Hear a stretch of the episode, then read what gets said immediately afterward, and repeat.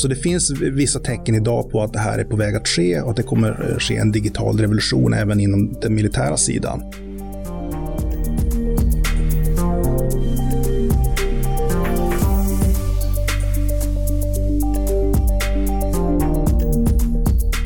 Men igen, det är det här eh, att vi ibland eh, eh tenderar att tolka ryskt agerande utifrån våra intressen och hur vi gärna vill se att Ryssland och där har vi, eh, jag tror att det finns all anledning att ägna sig åt lite självrannsakan hur, hur, hur vi har tolkat och, och, och förstått Ryssland och så.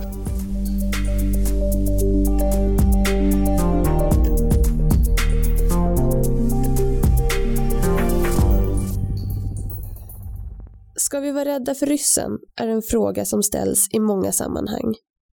Och för att kunna svara på det så behöver man säga om mycket. Som vilket mål Ryssland vill uppnå, vilka intentioner som ligger bakom alla olika handlingar. Hur prioriterar Ryssland försvaret idag och hur kommer det se ut 2045? Hur ska vi då bli mästare på framtida motståndarbeskrivningar när det gäller länder som Ryssland? Det ska vi försöka reda ut idag tillsammans med Per Gustafsson, förste forskare på FOI, och Fredrik Löjdqvist, chef över Centrum för Östeuropastudier på UI. Välkomna till Rapporterat. Tack. Tack så mycket. Fredrik, vad skulle du säga utmärker en framtidsstudie av ett land? Vilka typer av resultat kan man liksom förvänta sig? Ja, ja, framtidsstudier är väl eh, precis som eh, många andra fenomen i livet eh, egentligen en, en, omöjlig sak men inte desto mindre viktig eller nödvändig. Eh, och det är förstås väldigt svårt. Eh, vi vet ingenting om framtiden. Och det finns väl två eh, eh, fallgropar som man lätt kan falla i och det ena är att man tenderar bara att extrapolera utifrån eh, rådande tendenser framåt och det vet vi av erfarenhet att det brukar alltid bli fel.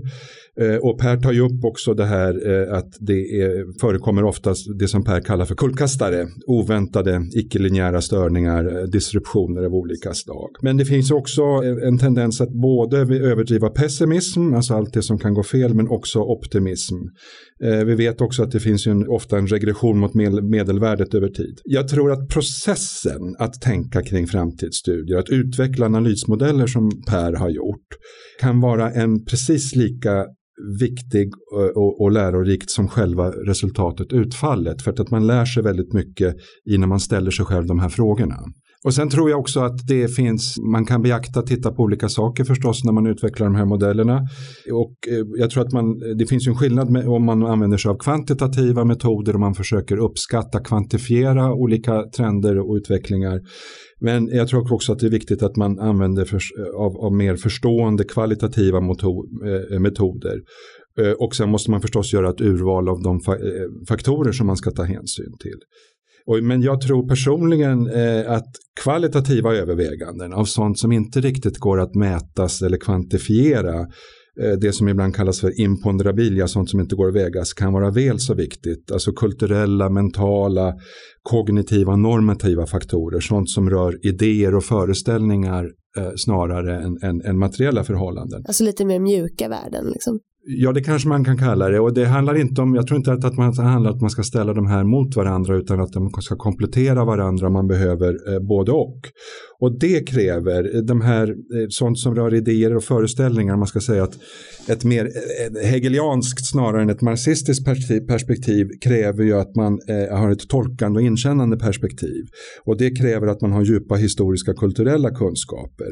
Eh, men som sagt, jag tror att det handlar inte om att man ska ställa de här mot varandra utan bägge perspektiven. Jag tror att en annan fallgrop som man kan falla i, i när man gör sådana här framtidsstudier det är att man utgår från att man blir alltför statisk i sin analys. Att man, eh, utan att man tar hänsyn att en utvecklingsfaktor, eh, en utveckling, någonting som händer, en händelse, den utlöser ju i sin tur reaktioner och motreaktioner. Eh, som det leder liksom till en dynamisk utveckling eh, som gör att det är väldigt svårt att dra ut några linjära, eh, linjära samband i framtiden. Eh, och, eh, och, att man måste ta hänsyn till en, en, en, en mer eh, ja, man kan kalla det för hegeliansk dialektik eller vad man vill kalla det för. Utveckling är dynamisk eh, och aldrig monokausal. Det är ofta många olika faktorer och inte bara en faktor som, som påverkar. Och ibland är det ofta svårt att urskilja egentligen vad är det som påverkar vad, vad är det som är orsak och verkan. Så det är väldigt komplexa mönster. Men icke desto mindre så tycker jag att det här är en väldigt viktig verksamhet eh, och, som, som fördjupar vår förståelse.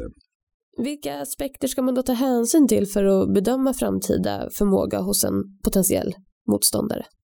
Ja, eh, Pers analys eh, den är nu begränsad till att specifikt omfatta eller avgränsad till att specifikt omfatta militär förmåga eh, och gör det utifrån fyra faktorer eh, eh, samhällsutveckling, ekonomisk utveckling, teknikutveckling och militär utveckling.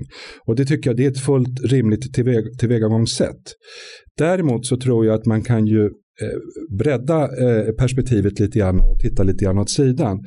Eh, varför vill man förstå militär förmåga? Jo, därför att det är ett, ett potentiellt antagonistiskt hot, i det här fallet från Ryssland, som påverkar Sverige och de säkerhetspolitiska sammanhang som Sverige ingår i. Och därför är det viktigt att kunna göra en bedömning av det här för att vi ska kunna dra slutsatser om hur vi ska förhålla oss, hur vi ska bygga upp vår, vår försvarsförmåga och sådana saker.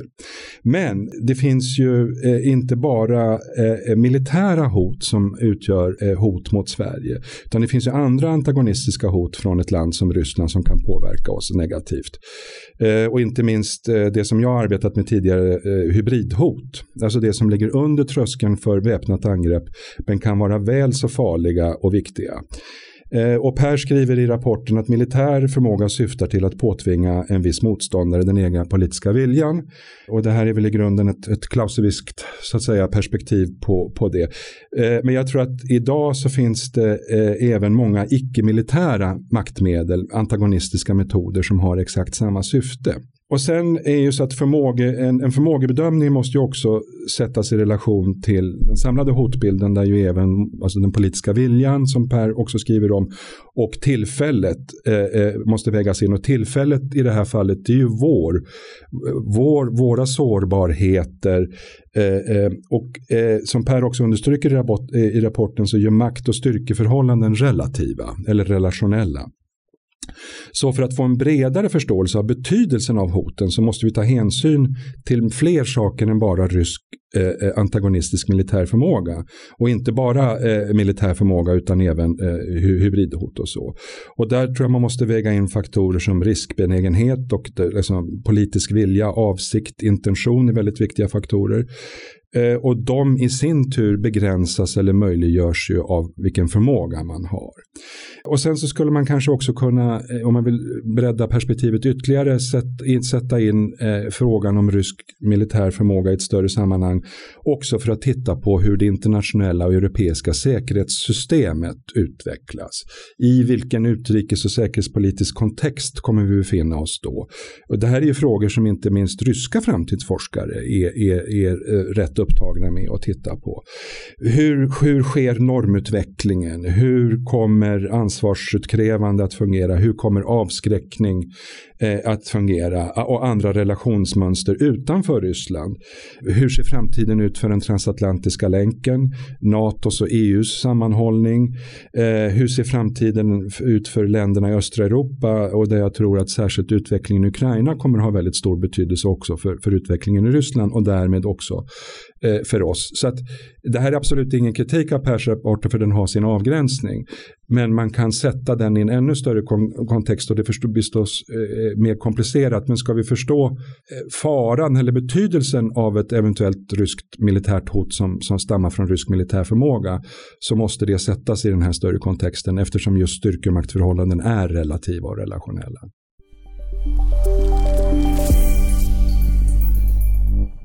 Per, vill du berätta lite om de aspekterna som du tar upp i, i din rapport? Vi kommer ju prata mer om din rapport eh, senare i intervjun också.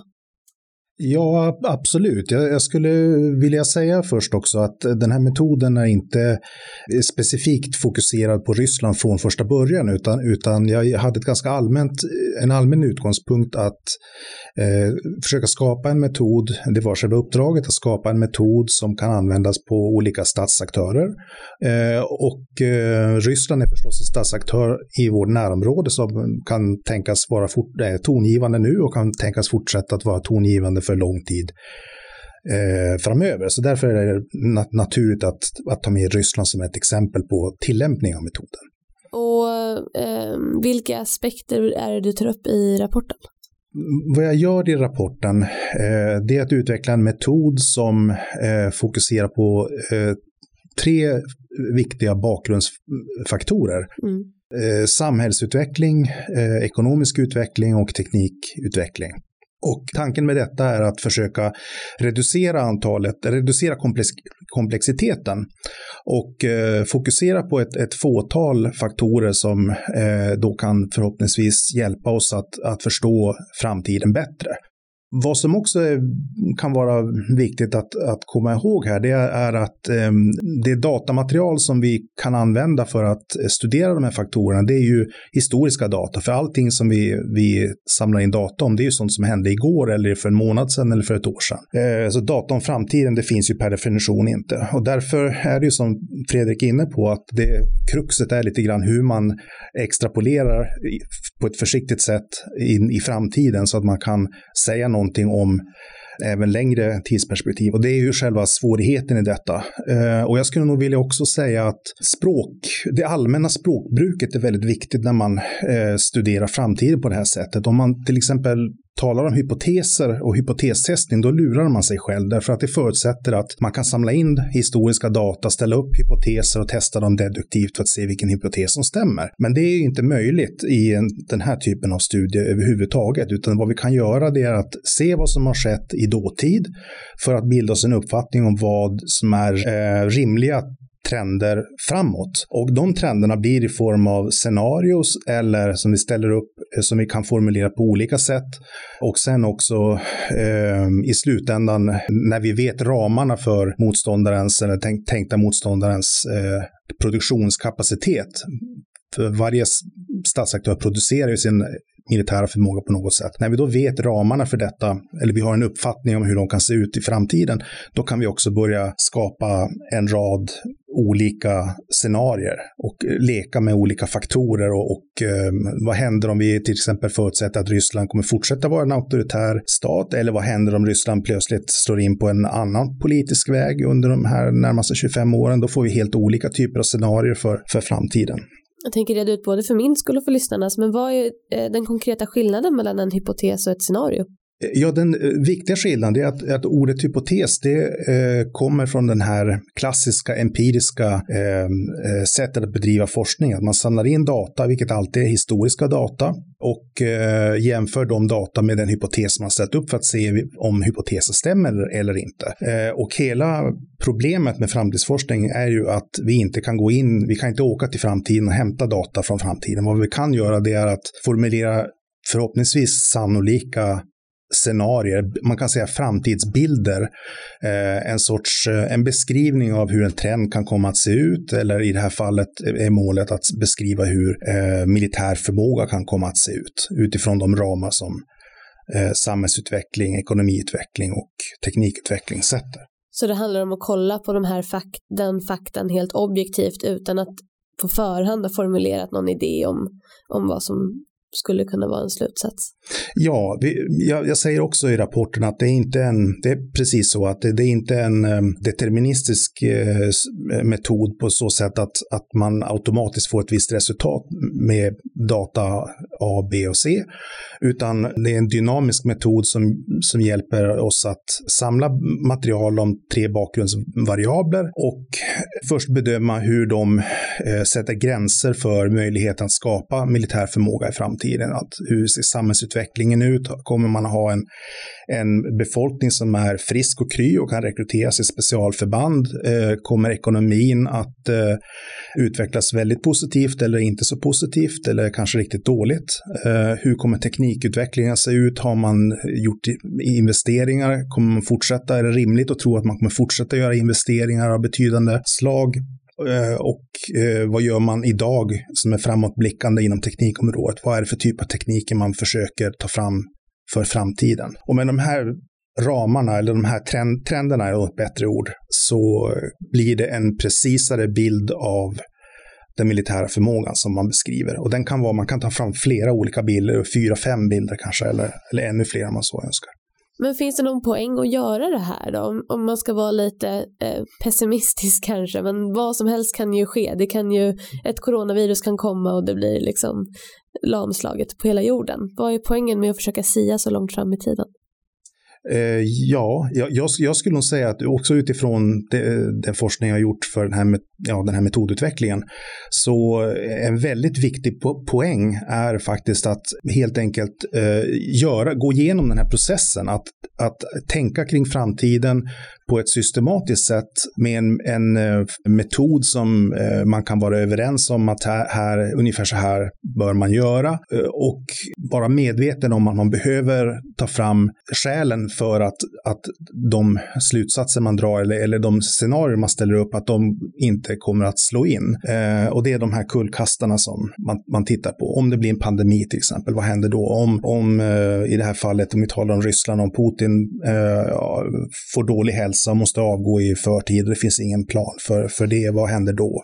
Tekniska genombrott, vad händer om eh, man misslyckas med något som man har försökt utveckla som är väldigt viktigt för militär förmåga, någon typ Typ av autonoma vapensystem till exempel. Eller vad händer om man lyckas över förväntan med detta? Hur påverkar det då den militära förmågan i framtiden?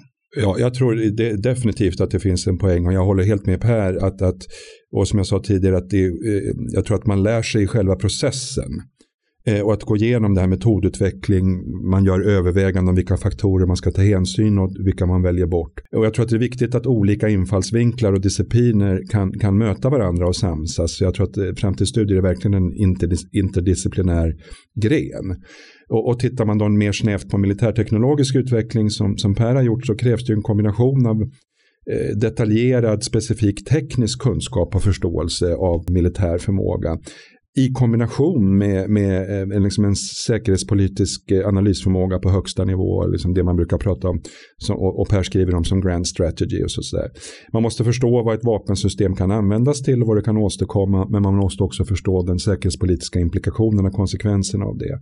Och tyvärr så är det eh, inte alltid de här insikterna kombineras. Så att jag skulle hoppas att det borde göras fler studier av det här slaget. Att de borde diskuteras och olika studier görs med olika infallsvinklar. Man kan mäta mer kvantitativa metoder eller mer kvalitativa eh, eh metoder och att man möts i en ständig diskussion som kan inspirera till nya studier. Jag tycker det här är lite grann som att spela schack. Alltså en skicklig schackspelare kan ju gå igenom olika eh, drag och tänker flera drag framåt och, och olika alternativ. Och ju fler drag eh, eh, och utvecklingsmöjligheter man har spelat igenom mentalt i huvudet, desto bättre förstår man har av spelet. Så att det här är väl liksom en iterativ, eh, en upprepande läroprocess. Ju mer man gör det här och ju fler som lär det desto, och gör det, desto bättre diskussion kan vi ha om framtiden eh, och, och bättre förståelse och också bli bättre mentalt förberedda.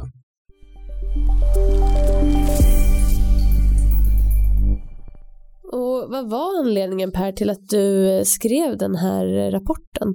Rapporten skrevs ju väldigt mycket därför att eh, det fanns ett behov hos eh, en uppdragsgivare att ta fram en, en metod för framtidsstudier just av militär förmåga och Eh, Ehm, jag gjorde en översikt av forskningsläget och, och såg ganska snabbt att det eh, saknades den här typen av metod faktiskt för, för det som jag har utvecklat nu en, en metod för.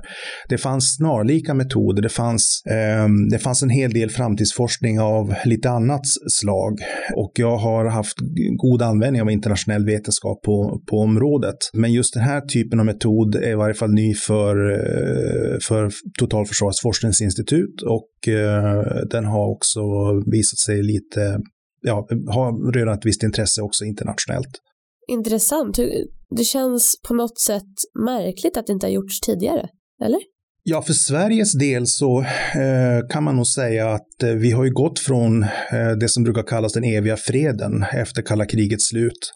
När den allmänna uppfattningen var att nu kommer vi inte att behöva ett, ett nationellt territoriellt försvar längre, utan vi, det räcker med att vi skyddar Sveriges intressen i eh, fragile states, till exempel Afghanistan och eh, andra konflikthärdar där det finns icke-statliga aktörer, eh, terrororganisationer och liknande. Men sedan eh, 2008 när Ryssland invaderade Georgien och kanske speciellt efter 2014 när Ryssland annekterade Krim och invaderade östra Ukraina så har det här tonläget eller det här inställningen, attityden har förändrats och nu är vi inriktade på ett, ett nationellt försvar. Och då är det också viktigt att försöka lyfta blicken och, och eh, inte bara titta på gårdagens detaljer utan också fokusera, försöka fokusera och ställa in skärpan över vad som kan komma imorgon och kanske till och med många år framåt i tiden. Är eh, Rysslands annektering av Krim ett bra exempel på något som hade räknats som en kullkastare eller är det inte tillräckligt förväntat så att säga? Ja, kullkastare behöver inte vara helt eh, oväntade, utan de kan vara, det kan vara en förväntad process. Man kan förutsäga att det ska ske någonting. Man kan se i korten att det finns tecken, signaler som tyder på att någonting ska hända. Men Krim var definitivt en kullkastare som jag tror inte fanns någon större medvetenhet om att den här var på väg, utan tvärtom så var det då många som tänkte att eh, Georgienkriget 2008, det var ett, ett undantag. Det var någonting som eh, var ett hack i kurvan, normalkurvan. Eh, men när Ryssland invaderade östra Ukraina och annekterade Krim, då blev det plötsligt uppenbart för bredare lager, eh, allmänheten kanske till och med, att det här är inte ett hack i kurvan, utan det här är en ett förändrat eh, säkerhetsläge. Jag, jag, tror att det här är väl ett typiskt exempel på där vi i väst ibland har projicerat vårt eget önsketänkande på Ryssland och ryskt agerande och ryskt beteende och inte riktigt velat se eh, varningssignalerna. Och, och, därför blev det precis som Per säger en, en, ett, ett, brutalt uppvaknande för, för den bredare allmänheten och så. Eh, däremot om man tittar lite närmare på det och, och ryskt agerande över tid och vad olika ryska aktörer har sagt eh, så var det nog kanske inte någon större överraskning att någonting sånt här skulle kunna ske. Exakt hur och när det sker. Den ryska ledningen är eh, taktiskt opportunistisk och oförutsägbar. Men jag tror att det låg väl i linje med den strategiska linje som vi har sett över en längre tid. Och där Eh, tror jag att vi har eh, ofta oss själva att skylla i väst därför att vi har tenderat att eh, övertolka eller undertolka och inte höra vissa saker. Alltså det fanns en presidentrådgivare, Glasjev, som sa på hösten, jag tror att det var i november 2013, att om Ukraina inte skärper till sig här nu så, så kan stora delar av Ukrains territorium gå förlorat och så. så att, alltså visst fanns det signaler eh, och visst fanns det tecken och, och eh, jag tror att det fanns en medvetenhet åtminstone specialistkretsarna eller expertkretsarna att den här typen av planer, invasionsplaner för Krim och så fanns i skrivbordslådan åtminstone sedan 2008 och så. Men igen, det är det här Eh, att vi ibland eh, eh, tenderar att tolka ryskt agerande utifrån våra intressen och hur vi gärna vill se att Ryssland och där har vi, jag tror att det finns all anledning att ägna sig åt lite självrannsakan hur, hur, hur vi har tolkat och, och, förstått Ryssland och så. Och ibland, det finns ju ofta en, en myt som, eller liksom en, man brukar säga att Ryssland är liksom så oförutsägbart och, och gåtfullt och, och så vidare. Eh, och det där tror jag mystifierar väldigt mycket därför att ofta räcker det med att titta exakt vad ryska makthavare, vad Putin har sagt över tid och då är det faktiskt inte så konstigt det som händer. Är vi lika benägna att blunda för det här eller tolka det på samma sätt som 2014 idag? Eller skulle vi se det på ett annat sätt idag? Ja, jag tror att det har skett en, en stor tillnyktring i, ja. i analysen av Ryssland i många länder. Men eh, jag tror det hela tiden finns ju en tendens att ändå vilja tro det goda och, och så. Och jag tror ett, en viktig utveckling som vi befinner oss just uppe i nu det är ju hur den amerikanska Rysslandspolitiken kommer att gestalta sig. Vi kommer ju ha ett toppmöte här där Putin och Biden möts den 16 juni.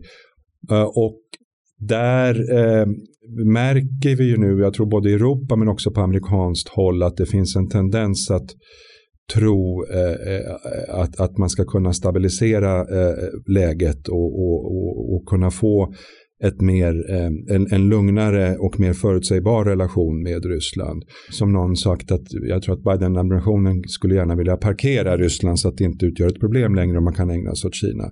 Jag är inte så övertygad om att Putin och Ryssland kommer att vilja låta sig eh, parkeras utan de kanske ser oförutsägbarhet som en strategisk tillgång.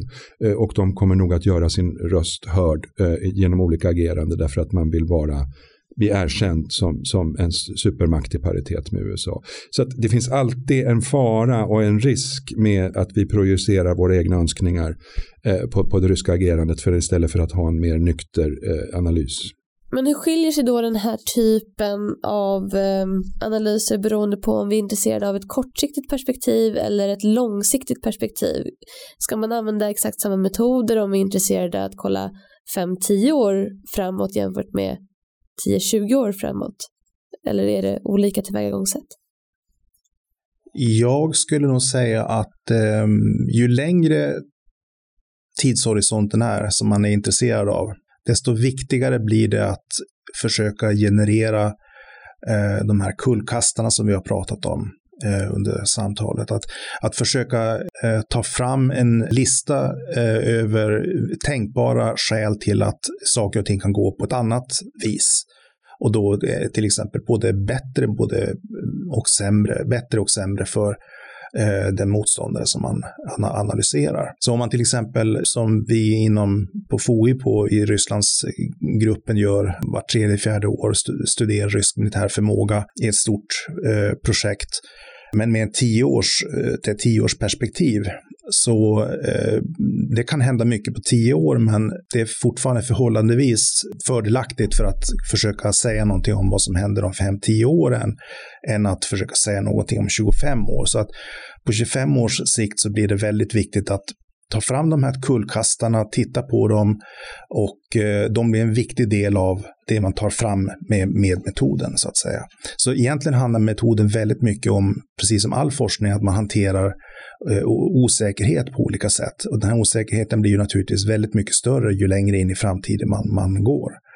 Så det är ett försök att säga någonting användbart skulle jag vilja säga och den här, gå igenom den här processen som gör att man gemensamt kan med analytiker och forskare kan slå sina kloka huvuden ihop och tänka gemensamt om, om ett, svår, ett besvärligt område så att säga.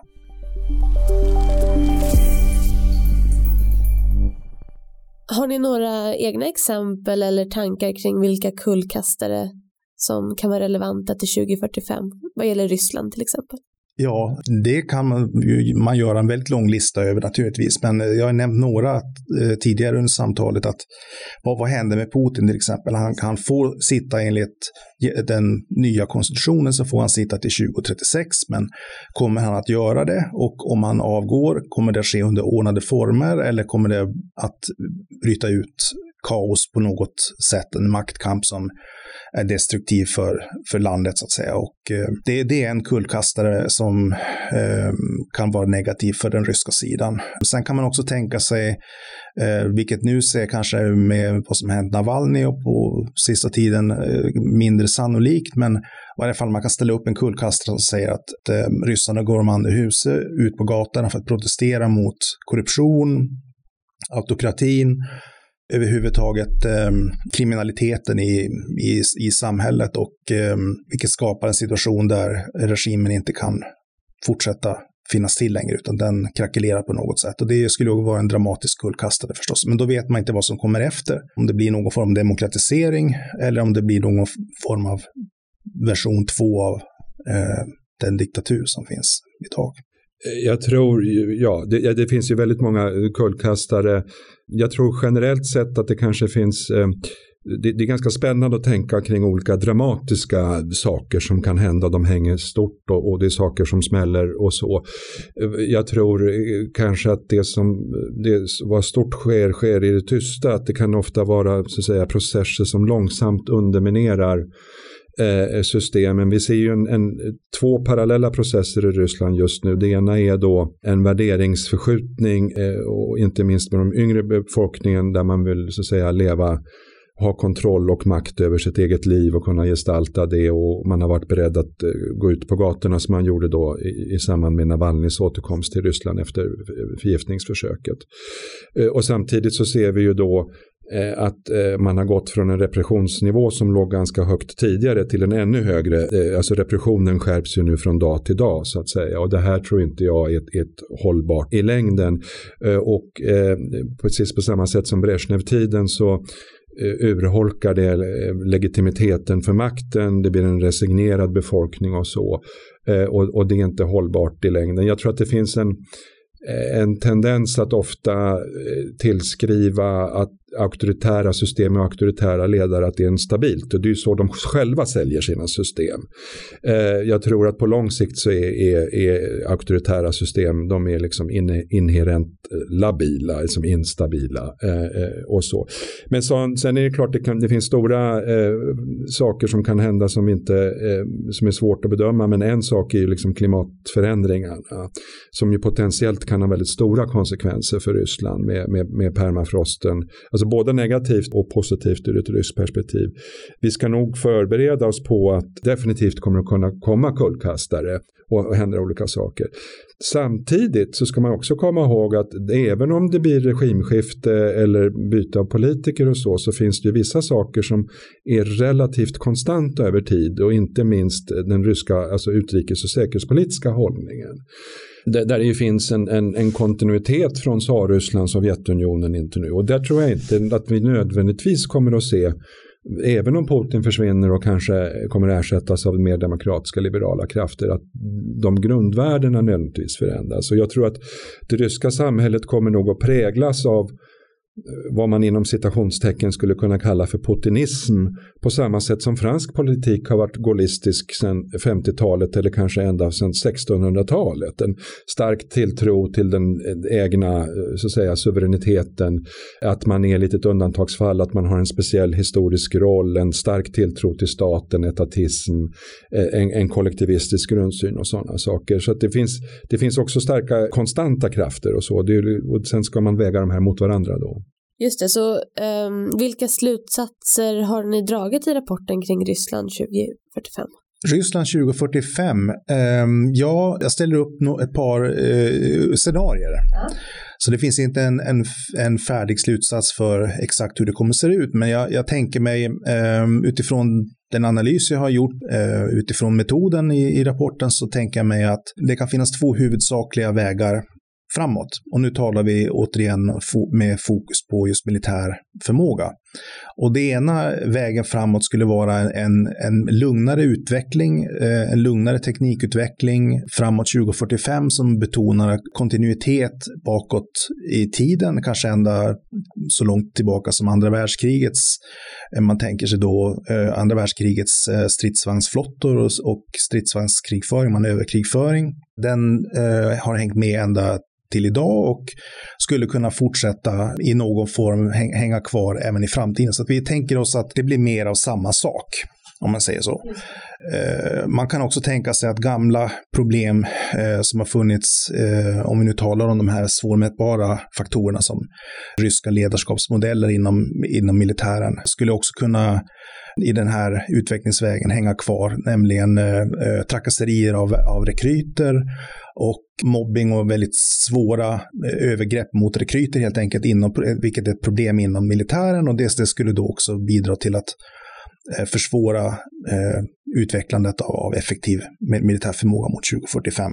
Men det är alltså den utvecklingsvägen som betonar att saker och ting inte förändras sådär jättemycket. Den andra utvecklingsvägen som jag tänker mig är mer revolutionär i det sättet att den utvecklas, den sker genom genombrott inom teknik, alltså kullkastare, omfattande kullkastare inom teknikområdet som då möjliggör eh, en ny typ av militärt tänkande kring användandet av autonoma system och artificiell intelligens. Och eh, man kan också tänka sig då, jag har lagt till även att ryssarna tar tag i det här, de här problemen med led, dåligt ledarskap och helt enkelt eh, lyckas åtgärda de här problemen som har funnits väldigt länge med eh, DDoS-Kina som det kallas på ryska, med mobbing och trakasserier av rekryter. Eh, och det skulle då tillsammans göra att Ryssland mot 2045 faktiskt genomgår en, en dramatisk förändring i förbättrande, ökad effektivitet i, i, av militär förmåga. Och vi kan se en,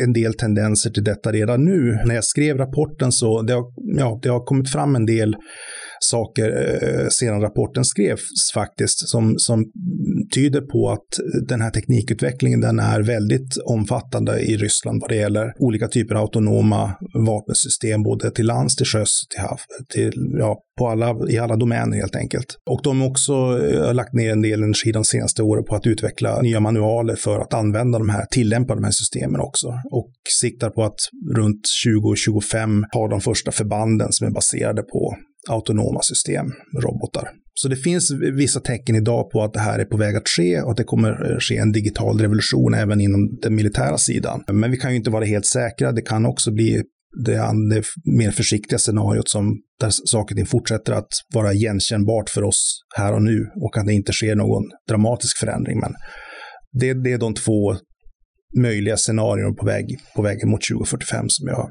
har föreslagit. Det kan säkert finnas mer, fler varianter också, men, men det här är de jag har diskuterat. Intressant. Vill du lägga till något, Fredrik? Ja, jag bara tänker mig att eh, när det gäller generellt utveckling av militär förmåga, men särskilt kanske i Ryssland, så man kan ju tänka sig en, en, kombination av både och. Att det kommer att finnas militär förmåga som är väldigt traditionell och, och bygger på den här manöverkrigföringen och så. Eh, som man kan tillämpa i en, en viss typ av konflikter. Och sen så har man väldigt högteknologiska förmågor i, i, i, andra saker. Alltså, de strider vi har sett som utspelar sig i Donbass i östra Ukraina. Det är ju första eller andra världskriget. Det är stridsvagnar, det är artilleri, det är skyttegravar, det är prickskyttar och så. Och det räcker fint så att säga. Man, man, behöver inte ha mycket mer där. Men mycket av den här kanske allra högteknologiskaste och de mest skarpa vapnen eh, de är kanske, eh, har, har en precis lika stor politisk användning som en militär användning. Att avskräcka. Eh, det räcker med att visa att lägga pistolen på bordet. Att vi har de här förmågorna för att kunna driva igenom sin politiska vilja. Att man visar upp en stark. Så att jag tror att det, det ena behöver väl inte utesluta det andra tänker jag.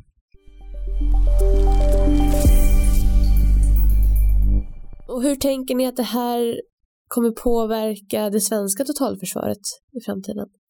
Ja, det går lite bortom eh, rapportens eh, gränser, men man kan ju tänka sig att eh, den svenska politiska ledningen, när vi, vi tillsammans som del av myndighetssfären, vi, vi, vi behöver nog tänka på hur en eh, kraftigt förändrad eh, teknisk utveckling i, i Ryssland kan eh, kvalitativt förändra den hotbild som vi ser, den militära förmåga som en potentiell eh, rysk motståndare kan ha. Just det, jag tänker också på hybridhoten. Har ni några tankar kring hur vi måste utforma det svenska totalförsvaret för att möta hybridhot till exempel? Ja, eh, just det. Och totalförsvar, det beror ju lite grann på vad man lägger in i begreppet totalförsvar. Totalförsvar rent tekniskt sett, det är ju ett system vi har haft i Sverige och håller på att bygga upp igen i Sverige. Eh, med ett system eh, också för beslutsfattande och resursanvändning och så som träder i kraft, kickar in när, man, när regeringen, när man fattar beslut om en höjd beredskap. Det vill säga eh, när man är på väg, när man befinner sig i en krigssituation eller på väg mot en krigssituation och så. Jag tror att det viktiga med hybridhot är att förstå att det inte är en potentiell risk, något som kan hända som vi måste ta höjd för, utan det är någonting som pågår här 24-7. Och det innebär att vi måste ha ett system som hanterar, kan upptäcka, eh, att man kan förstå och analysera hybridhoten, att vi kan bygga motståndskraft emot dem och att vi kan bemöta dem på ett bra sätt eh, utan att vi har speciella krishanteringar hanteringsmekanismer eller att vi befinner oss i höjd beredskap. Och där tror jag att utmaningen, så att jag tror totalförsvaret, uppbyggnaden av totalförsvaret nu innehåller viktiga delar, inte minst när det gäller att stärka den svenska motståndskraften mot hybridhot. Men vi måste definitivt göra mer för att få en bättre samlad lägesuppfattning Eh, och vi måste också tänka på att utveckla verktygslådan för att kunna bemöta hybridhot, skapa en avskräckningsförmåga mot, mot eh, hybridhot. Och här finns det tror jag mycket kvar att göra. Och utmaningen eh, för Sverige tror jag då är att i, i, i, att hantera hybridhot, lägesuppfattning, motståndskraft och bemötande så krävs det hela tiden vad, vad man ofta på engelska kallar för eh, whole of government approach, alltså en holistisk att eh, departement, myndigheter eh, eh, samarbetar på ett horisontellt sätt på ett helt annat sätt än vad man gör idag. Och där eh, finns det väl en del eh, både kanske konstitutionella men även kulturella och historiska svårigheter i svenska systemet där man pratar om ansvarsprincip och Oxenstierna och så vidare. Så att vi har lite svårt att få till stånd den här samlade samordningen som, som behövs. Och när det gäller hotbedömningen generellt så har vi ju i Sverige Eh, alltså Sveriges regering eller svensk politik gör ju ingen officiell samlad hotbedömning riktad mot Sverige. En del länder gör det, en del länder gör en öppen sån och en del har en hemligstämplad sån.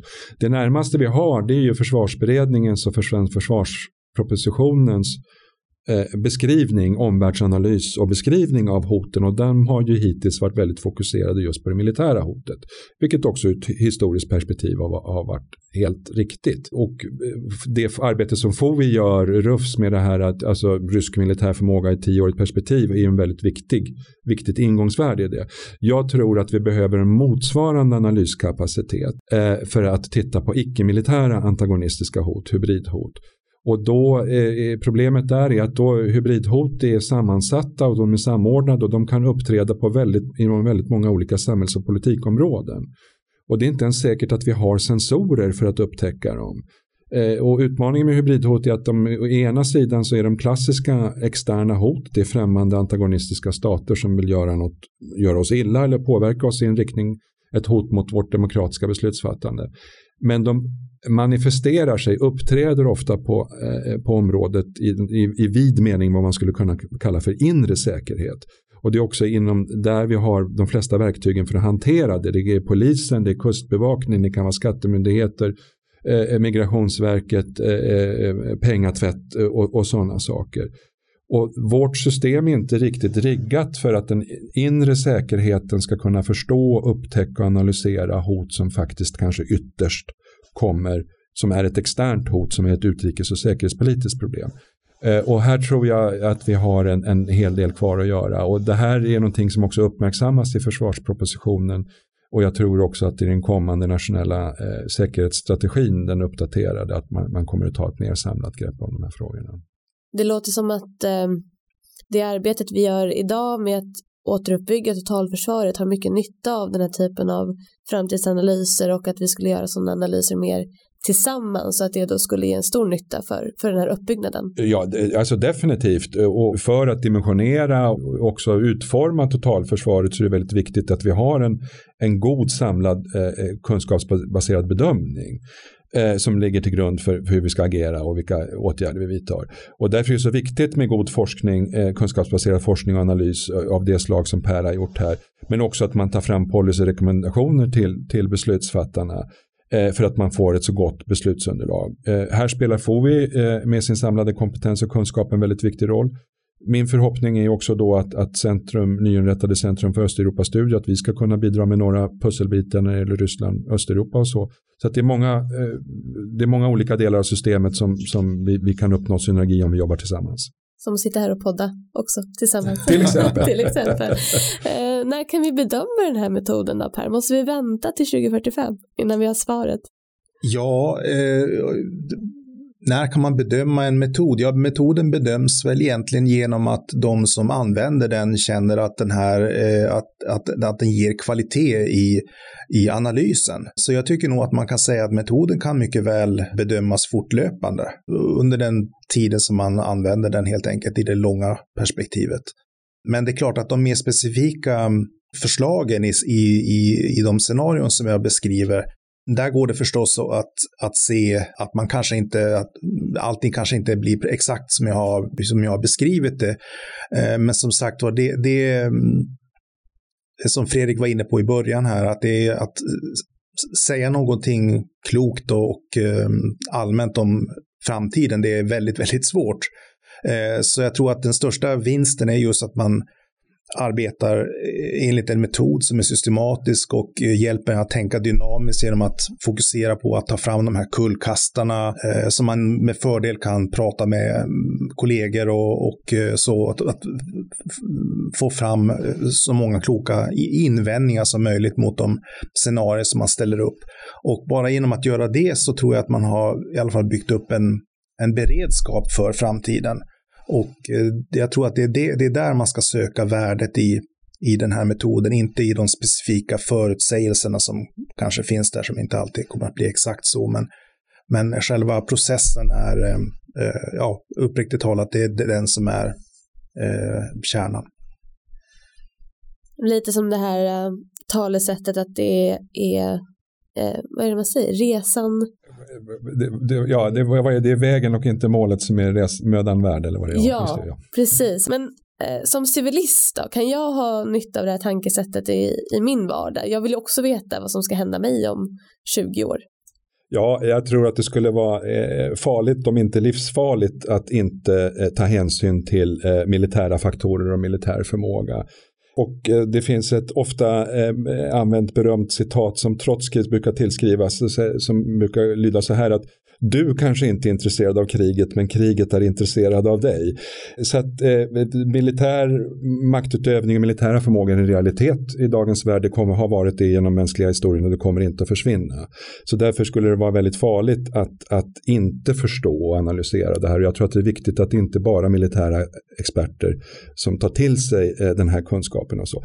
Sen måste det perspektivet självklart kommuniceras med många, många andra. Men det går inte att tänka bort de militära faktorerna.